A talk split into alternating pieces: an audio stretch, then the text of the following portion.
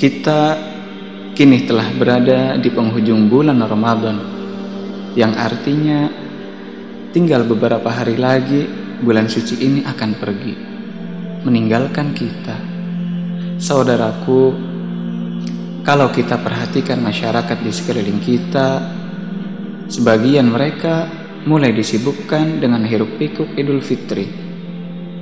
Luapan kegembiraan sudah mulai terasa mal dan pasar-pasar menjadi padat.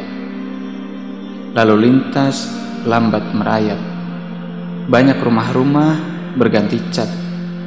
Pakaian-pakaian baru dan makanan enak pun juga telah siap.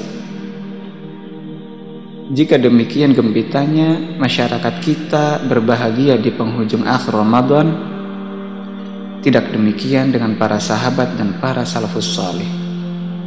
Semakin dekat dengan akhir Ramadan, kesedihan itu justru menggelayuti generasi terbaik itu. Saudaraku, mengapa para sahabat dan para salafus saleh terdahulu bersedih dan menangis ketika Ramadan hampir berakhir?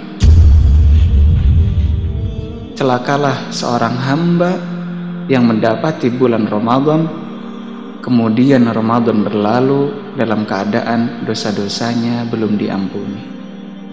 Begitulah pesan Rasulullah Sallallahu Alaihi Wasallam kepada kita. Akhi, ukhti, rahimakumullah. Kita mungkin tidak bisa bersedih dan menangis sehebat para sahabat. Namun, selayaknya kita pun takut.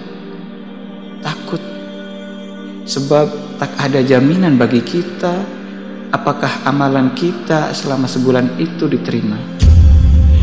Begitu pula tak ada jaminan apakah kita bisa dipertemukan kembali dengan bulan Ramadan tahun berikutnya. Semoga bermanfaat bagi kita semua. Amin. Allahumma amin.